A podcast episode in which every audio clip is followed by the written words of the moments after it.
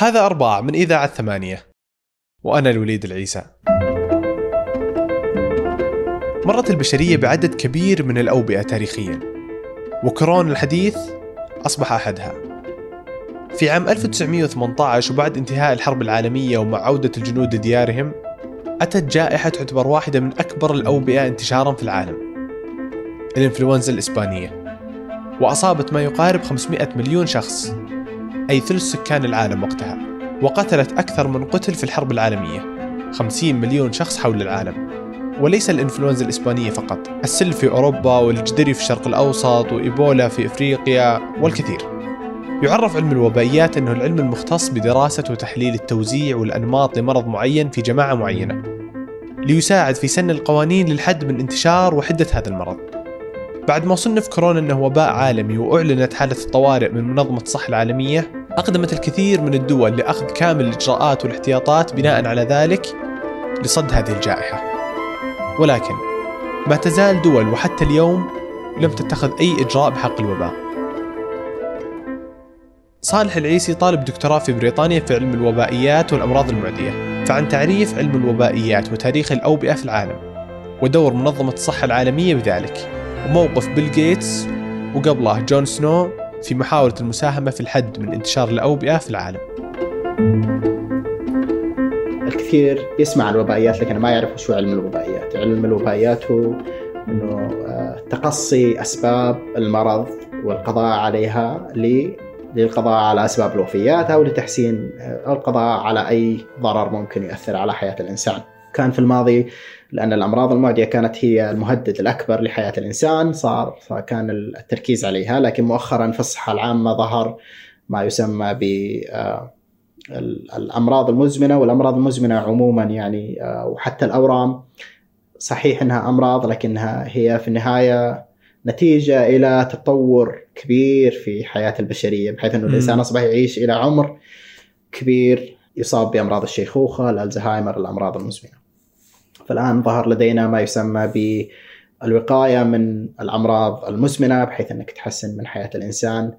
ما هو فقط أنك تحميه من الأمراض المعدية لكن تحاول أنك تحسن من حياته باتباع نظام صحي نظام غذائي physical activity الرياضة إلى المنع مثلا من الاشعاعات المسرطنة المنع مثلا من التدخين آه، وما إلى ذلك. يعني الأوبئة والأمراض اللي خصوصا تنتقل عن طريق الحيوان إلى الإنسان ما هي جديدة؟ لكن بالشكل بالشكل اللي قاعد يصير يعني آه، أعتقد ما في آه، ما ما, ما في شيء مشابه إلا آه، ما حصل في 1918 ما بعد الحرب العالمية الأولى مباشرة بدأ الجنود يعودون. يعودون يعني بأمل للعالم جديد واستقرار وكذا. وهم أصلا لما كانوا عائدين رجعوا معهم بوباء أطلق عليه وباء الإنفلونزا الإسبانية. كانت صدمة كبيرة للعالم وما حصل في في ذاك الوقت يشابه إلى حد كبير ما يحصل اليوم. قضت على ما يقارب 50 آه، مليون إنسان يعني ثلاثة أضعاف ضحايا الحرب. الأنظمة الصحية ما كانت مجهزة لاستيعاب هذا العدد؟ م. معرفتنا اليوم بالأمراض المعدية تضاعفت آلاف المرات يعني.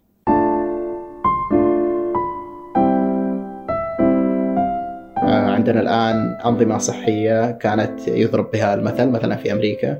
ال CDC مركز التحكم بالأمراض والاستجابة لها الأوروبي أيضا. لكن الدول آه، يعني نوعا ما شرقية زي مثلا آه، سنغافورة كوريا الجنوبية أيضا الآن في الخليج السعودية الإمارات أبلت بلاء حسنا وأفضل من الأنظمة اللي في الغرب الآن. فحتما إنه الأنظمة الصحية اللي في الغرب راح ينظر لها بشكل مختلف الآن. لو نرجع شويتين للوراء ونشوف مثلا الأوبئة اللي ظهرت من 1918 إلى الآن في ظهر في الوباء الإيبولا في بداية 1976 كذا في في أفريقيا؟ آه، أفريقيا. وسيطرت عليه منظمة الصحة العالمية. رجع إيبولا مرة ثانية وظهر في 2014 لكن أيضا عندنا في 2003 ظهر أيضا ما يسمى سارس. سارس أيضا كان عدد الوفيات فيه مرتفع.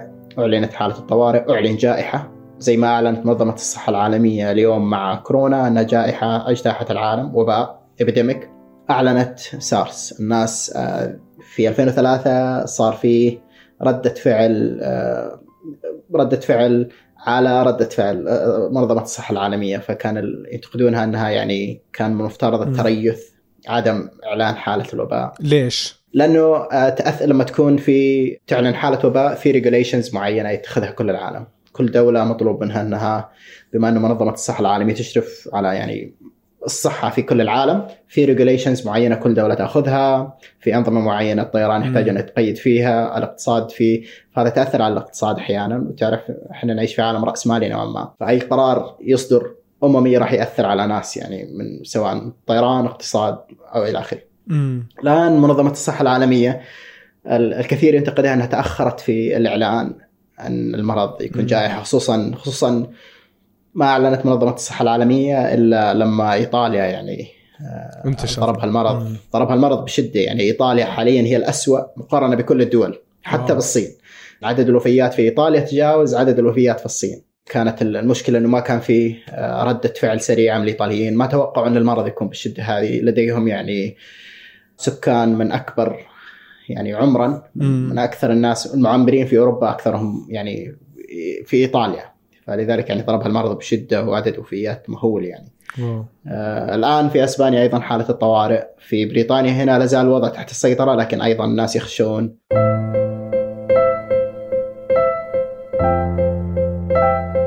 متى نقدر نعتبر المرض هذا وباء؟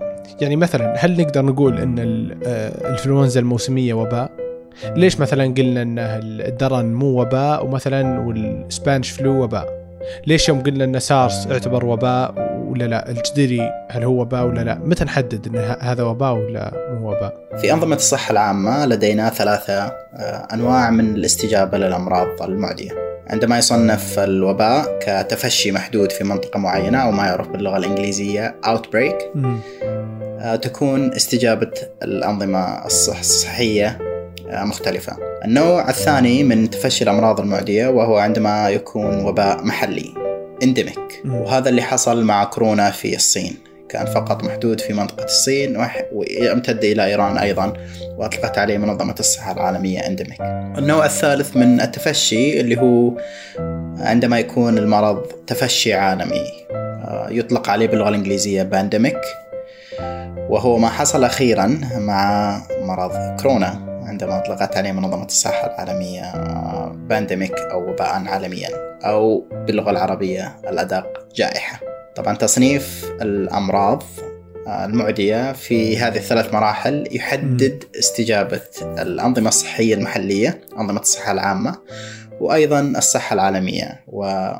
ومدى استعداد الأنظمة الصحية لهذا المرض بحيث أنها تكون منظمة الصحة العالمية تعطي مجموعة من الدول إرشادات بحيث أنها تتخذها للوقاية من المرض. طيب يعني مثلا هل آه، بشكل عام الوباء هو أي مرض سريع الانتشار؟ أو ان أي لا. مرض؟ مم.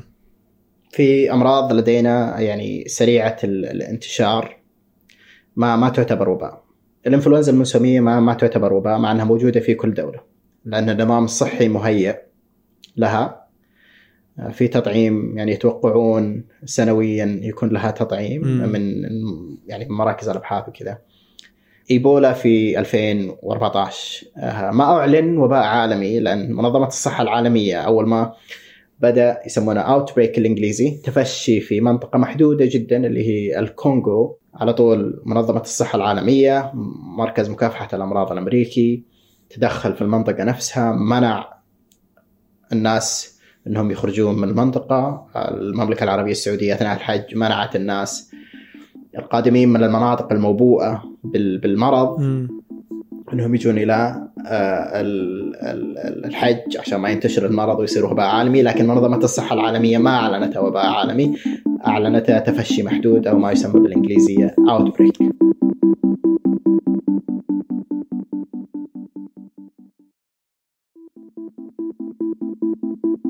وكيف آه، كيف حنا نفسنا تطورنا يعني لو نشوف شكلنا قبل 100 سنة وشكلنا اليوم في منع ال- منع انتشار أي وباء يعني لو قلنا مثلا السبانش فلو قبل تقريبا 100 سنة كان 1918 واليوم كورونا هل فعلا صار فيه تطور في شيء تغير؟ أنا أعتقد إنه ال- معرفه الإنسان بالأمراض المعدية وبالأوبئة تضاعفت يعني آلاف المرات مم. في آه، خلال القرن الماضي يعني مثلا من 1918 إلى الآن الإنسان تطورت التطعيمات في بعد في مرحلة ما بعد الحرب العالمية الثانية مم. تطورت التطعيمات بشكل كبير تطورت استجابتنا للأمراض يعني في آه، في القرن الماضي أيضا في بداية الثمانينات قضينا على الجدري تماما أيضا آه، بداية ال- القرن الحالي الآن آم، ال- آه، قلت قلت مع التطعيمات وال- والحرص والحرص على الأنظ على أن يكون التطعيمات في الأنظمة الصحية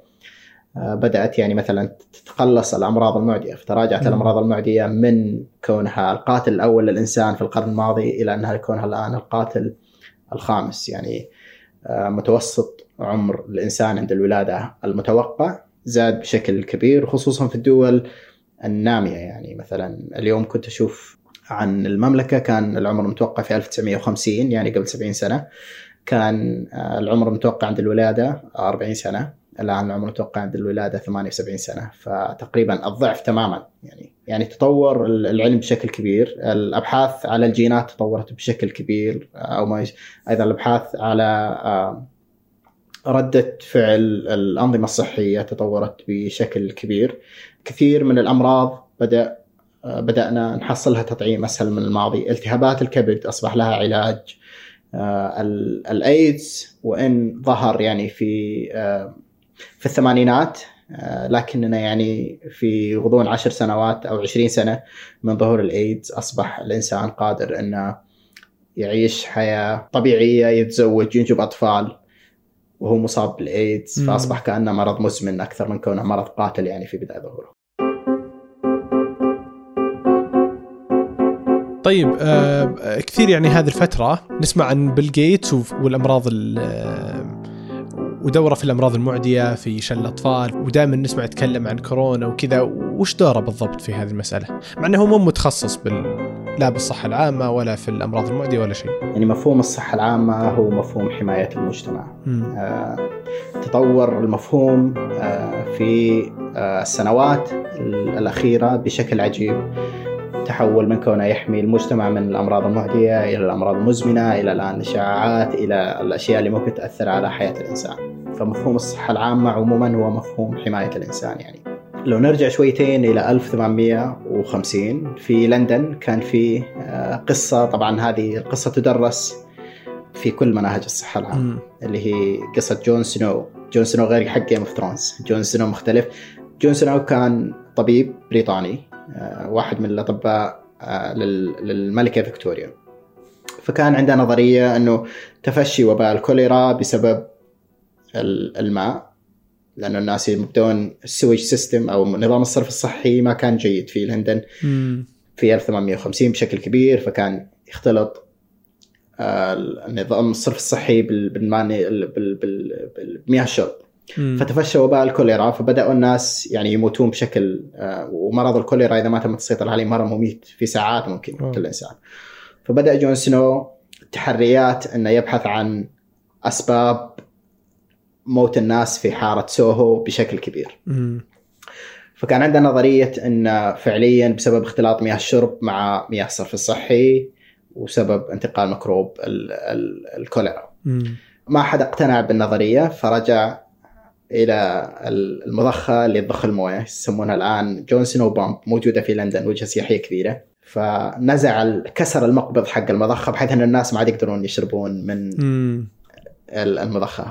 ف- فتقلص عدد الوفيات بشكل كبير فأصبحت القصة الآن تدرس يعني في مناهج الصحة العامة وأثبت جون سنو نظريته ومات بعدها بسنتين طبعا مو من. الكوليرا لكن من مرض آخر لكن مم. يعني أصبح يعني شخصية مشهورة في في علم الصحة العامة. الآن بيل جيتس وإن كان يعني آه، يرو يعني يحاول إنه يعني يقلل الوفيات يعني من أكثر الاختراعات اللي ظهرت في الصحة العامة في القرن الماضي هي آه، جودة مياه الشرب مم. نظافة مياه الشرب خلوها يعني من اختلاطها من بمياه الصرف الصحي والتطعيمات الآن في أفريقيا وفي دول زي مثلا الدول اللي آه، زي مثلا باكستان الهند معدل الوفيات في الأطفال أو حتى في الكبار من أمراض يمكن الوقاية منها. بيل جيتس بدأ مشروع Gates Foundation مم. منظمتهم منظمة بيل جيتس بدأت مشروع إنه يشتغلون على الأمور يحسنون من من نظام الصحة العامة وبالتالي التحسين من آه، حياة ال ال الإنسان وبالتالي القضاء على الأسباب اللي ممكن تؤدي إلى إلى وفاة الأطفال أو وفاة م. الناس بعمر يعني من من عمر مبكر أو من أسباب يعني يمكن السيطرة عليها م. فبدأ بيل جيتس المشروع النظام الصرف الصحي في أو تنقية مياه الشرب في أفريقيا موضوع التطعيمات التعاون مع الصحة العالمية موضوع التطعيمات على شلل الأطفال. عندهم برنامج معين على شلل الأطفال. يعني شلل الأطفال تقريبا قضي عليه تماما من بسبب التطعيمات في معظم الدول المتقدمة ومنها المملكة العربية السعودية. لكن لا زالت في حالات في آه، آه، باكستان أفغانستان بسبب إنه الناس ما يؤمنون بالتطعيم أو بسبب إن التطعيم ما يوصل إلى القرى والهجر. فلذلك بيل جيتس بدأ يحاول آه، يحسن من هذا الموضوع سواء في في دول شرق آسيا أو حتى في أفريقيا. آه الله يعطيك العافية صالح. الله يعافيك الوليد. أتمنى مشاركتك الحلقة مع من تظن أنها تثير اهتمامه. والله يكفينا شر الأوبئة. موعدنا الأربعاء.